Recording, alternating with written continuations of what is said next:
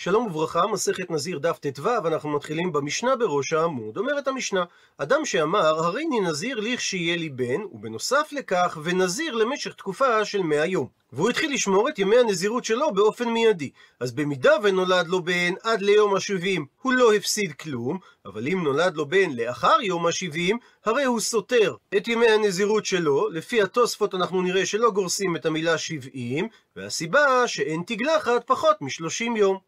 הוא מסביר התוספות שהדפיסו אותו בדף י"ג עמוד ב', שמדובר על אדם שקיבל נזירות עבור בנו שייוולד לו בהתחלה, והוא התחיל למנות נזירות עבור עצמו למשך תקופה של 100 יום באופן מיידי. אז אם נולד לו בן עד 70 ויום ה-70 בכלל זה, אמרה המשנה שהוא לא הפסיד כלום. פירוש, אחרי שנזירות בנו של 30 יום מובלעים בתוך 100 הימים שהוא קיבל על עצמו, אז אותם 30 יום עולים גם לנזירות עבור הבן, וגם לחלק מהנזירות עבור 100 היום שהוא קיבל על עצמו. שאומנם מיד כשייוולד לו הבן הוא צריך להניח את שלו ולמנות את של בנו שהרי קיבלו תחילה, אבל כיוון שהימים של הנזירות עבור הבן מובלעים בתוך 100 היום, אז הם עולים לשל בנו ולשלו.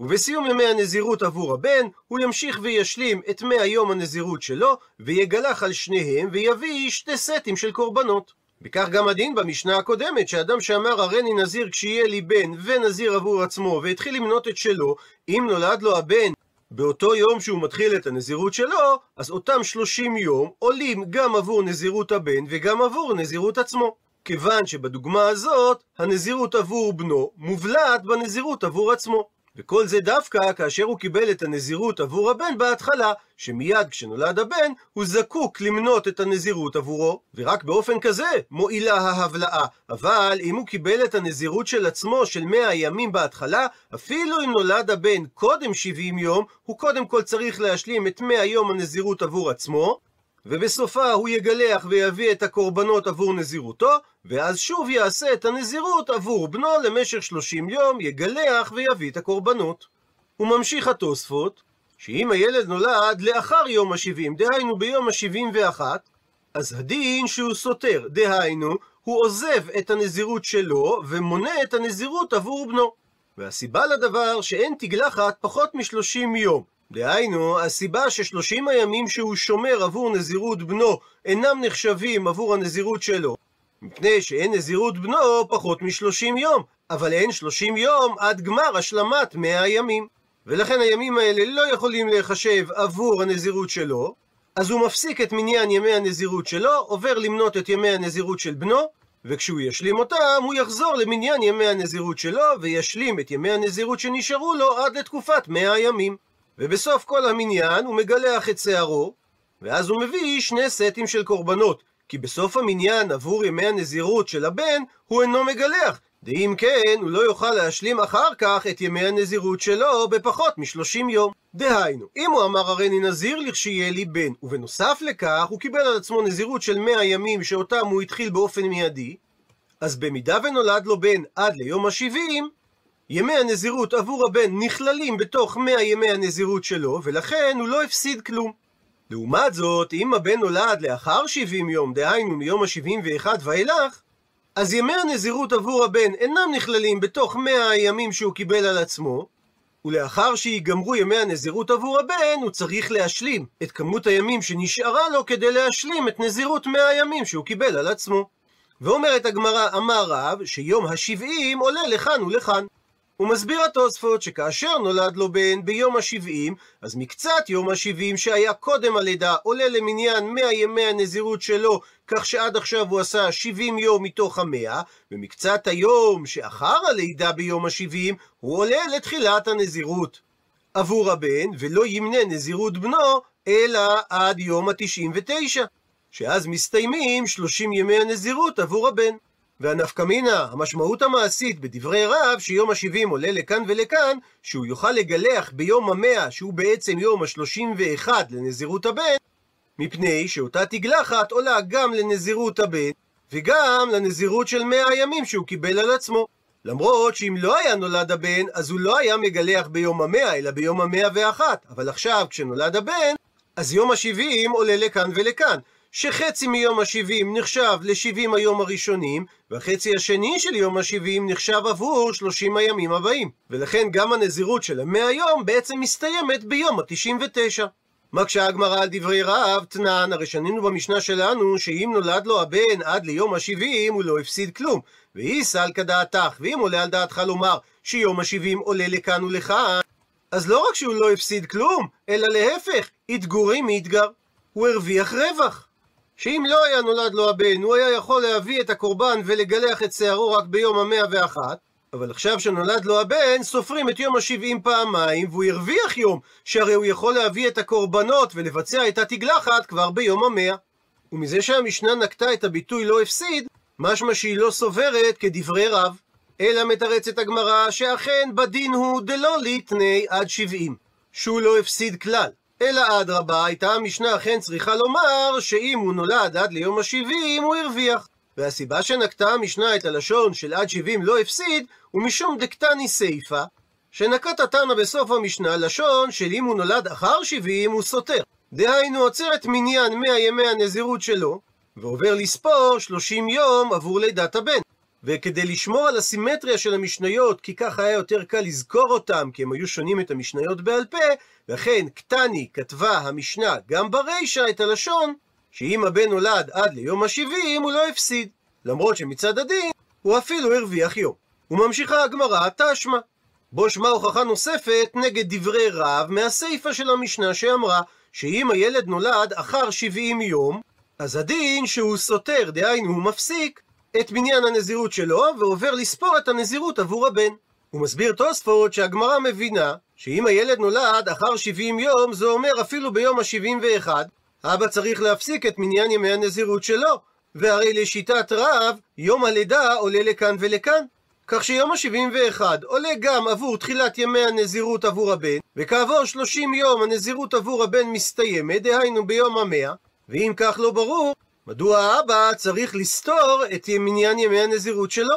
שהרי ביום המאה ואחת הוא מגלח את שערו ומביא שני סטים של קורבנות, וזו הייתה התוכנית המקורית כאשר הוא קיבל על עצמו נזירות של מאה יום. הוא מסביר התוספות שבשלב הזה הגמרא מבינה שבלשון שהילד נולד לאחר שבעים, נכללת גם המציאות שהוא נולד ביום השבעים ואחד.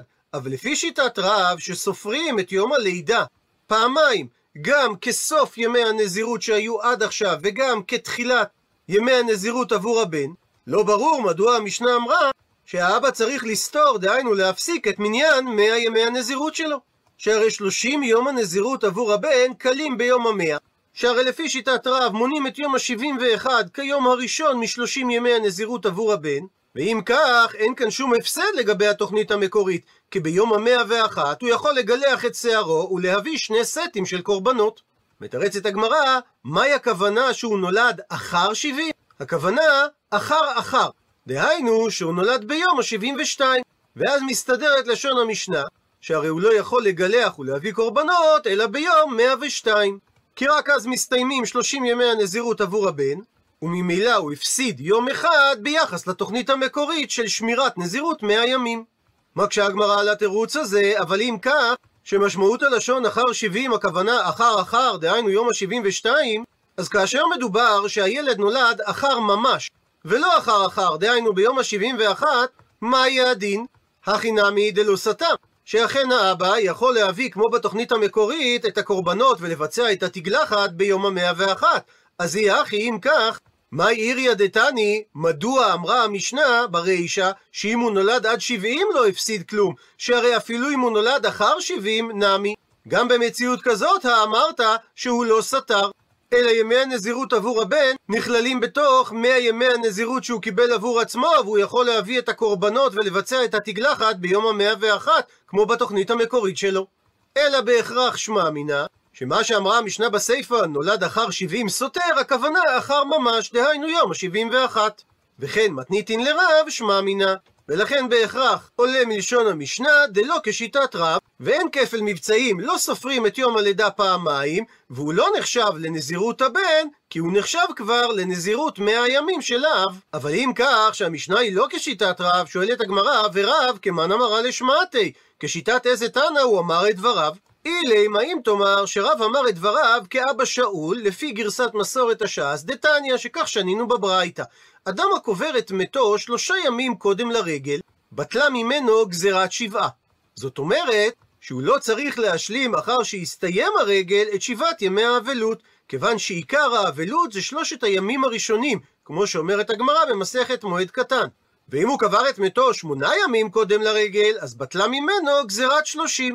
כיוון שהסתיימו שבעת ימי האבלות, כך שכבר יום אחד מהשלושים היה קודם הרגל, ואז ביטל הרגל את גזירת השלושים ממנו, ולכן הוא מותר לספר את שיער ראשו ערב הרגל, משום כבוד הרגל. ואם הוא לא סיפר את שיער ראשו ערב הרגל, אז הוא יהיה אסור לספר את שיער ראשו גם אחר הרגל, עד סוף השלושים. הפכנו דף, אבא שאול חולק ואומר שאפילו אם הוא לא סיפר את שיער ראשו קודם הרגל, יהיה מותר לספר את שיער ראשו אחר הרגל, מפני שכשם שמצוות שלושה ימים שהוא היה אבל קודם הרגל מבטלת את גזירת שבעת ימי האבלות, כך מצוות שבעה ימים שהוא שמר אבלות לפני הרגל, מבטלת את גזירת השלושים.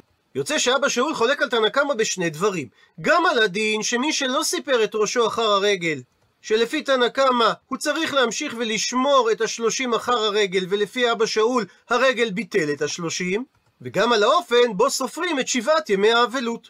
שלפי תנא קמא מדובר על שבעה ימים שלמים, וגזירת שלושים מתחילה רק ביום השמיני, מה שאין כן לפי אבא שאול, שהיום השביעי הוא גם מסיים את שבעת ימי האבלות הראשונים, וגם מתחיל את דיני השלושים.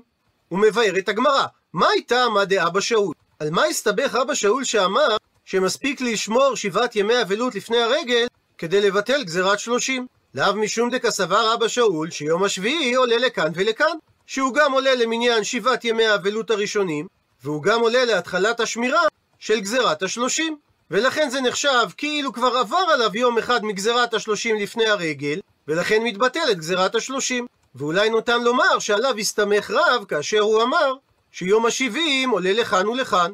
דוחה הגמרא ואומרת, דילמה, אולי ניתן לומר שעד כאן לא קם אבא שאול, שאכן יום השביעי עולה לכאן ולכאן, אלא בגלל שמדובר באבלות שבעה דרבנן. שהרי עיקר האבלות אינה אלא יום אחד, כמו שכתוב בספר עמוס, ואחריתה כיום מר. ורק חכמים הם אלה שתיקנו שבעה ימים, והם הסתמכו על מה שכתוב בבראשית, ויעש לאביו אבל שבעת ימים. אבל אולי בנזיר, שזה דין דאורייתא, לא אומר אבא שאול שיום אחד עולה לכאן ולכאן. אלא אומרת הגמרא, כנראה שרב דאמר כרבי יוסי. דתניא, שכך שנינו בברייתא. רבי יוסי אומר, שומרת יום כנגד יום, ששחטו וזרקו עליה בשני שלה, ואחר כך ראתה, הרי זו אינה אוכלת ופטורה מלעשות פסח שני.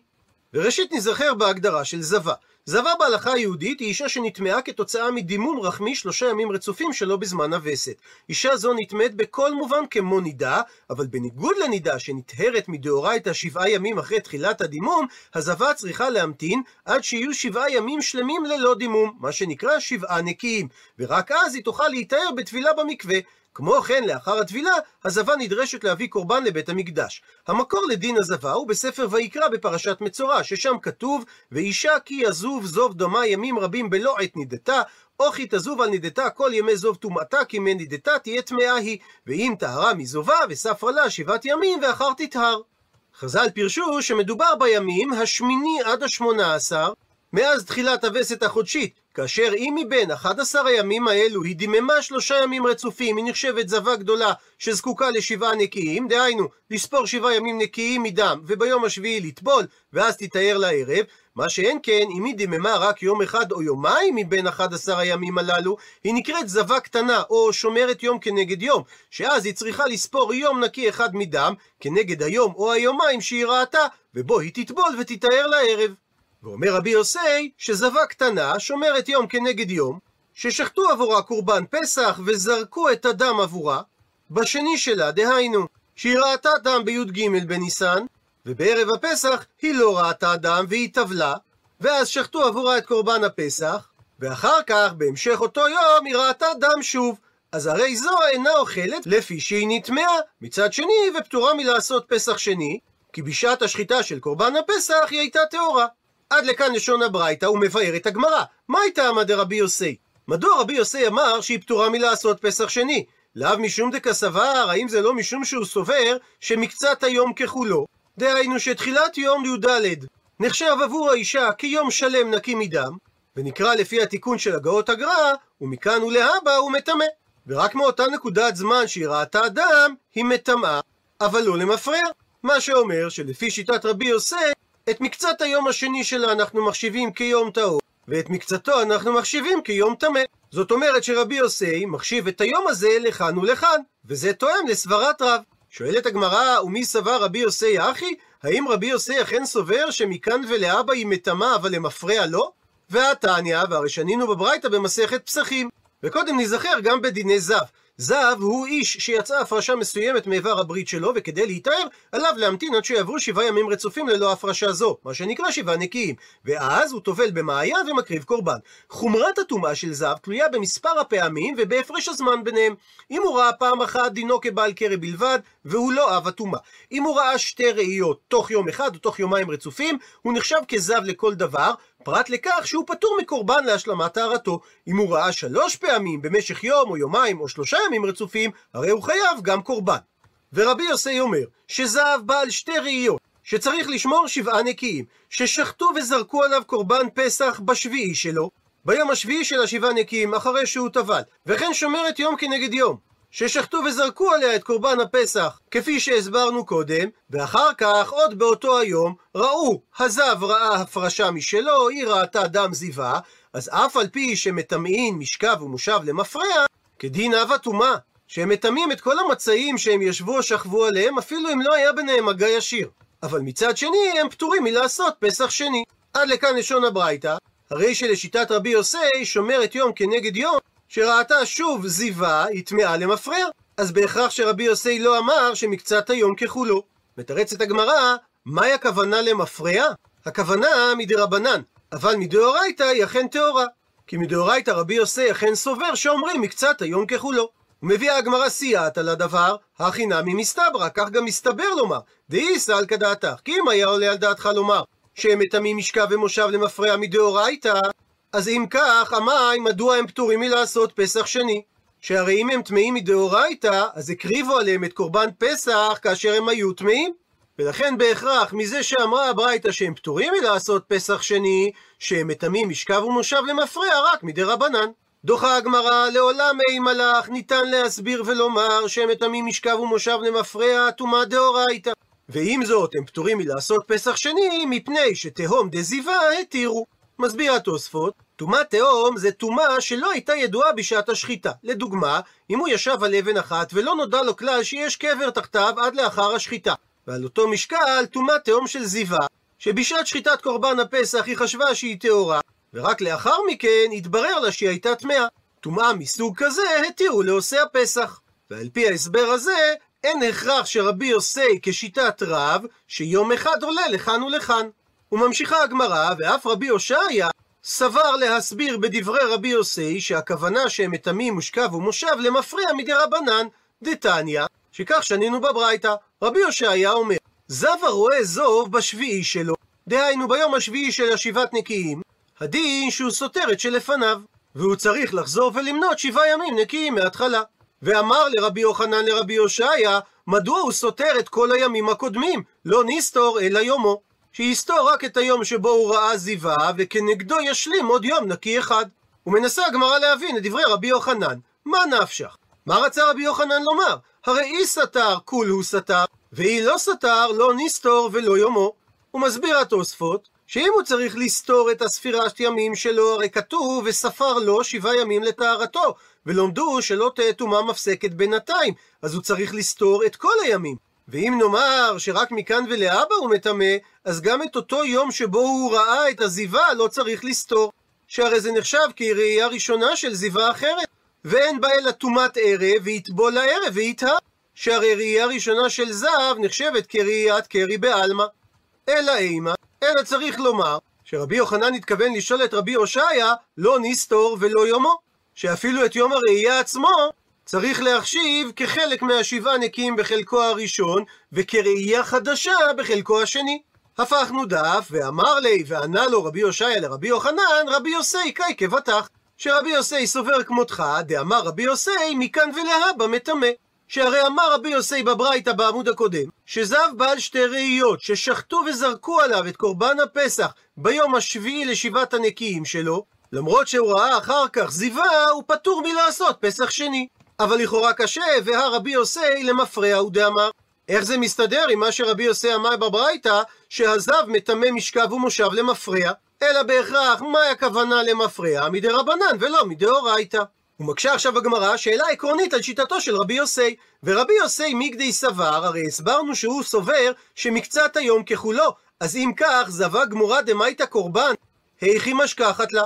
כיצד נגיע למציאות שאישה תראה שלושה ימים רצופים ותתחייב להביא קורבן?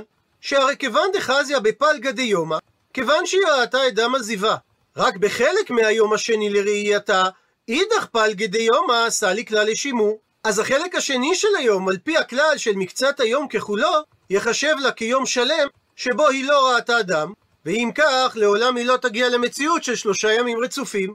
מתרצת על כך הגמרא שתי תשובות. אי באי תימא, אם תרצה תאמר תשובה ראשונה, דיקה שפעה תלתא תלתא יומי בעדי הדדי. שמציאות של זבה גדולה אפשרית, במציאות שהיא רואה דם במשך שלושה ימים רצופים ללא הפסקה. אי באי תימא, ואם תרצה תאמר תשובה שנייה, דחזי התלתא יומי סמוך לשקיעת החמה, דלא הווי שהות, שבאופן כזה אין שהות ביום שהיא תהיה נקייה דסליקלה למניינה. שזה ייחשב לה כיום נקי שיפסיק את שלושת הימים הרצופים. הוא מסביר המפרש שהיא ראתה במשך שלושה ימים בזמן בין השמשות, דהיינו סמוך לשקיעת החמה ועד אחר שקיעת החמה, אז היא ראתה בסוף היום הראשון, ובתחילת היום השני, וגם בסוף היום השני, ובתחילת היום השלישי. במציאות כזאת גם רבי יוסי מודה שהיא בעצם ראתה שלושה ימים ברצף, במקצת היום ככולו ניתן לומר רק בקצה של יום, ובמקרה שלפנינו נוצר רצף של שלושה ימים, שבהם האישה או אדם. בשעה טובה הדרן הלך פרק הריני נזיר, עד לכאן דף ט"ו.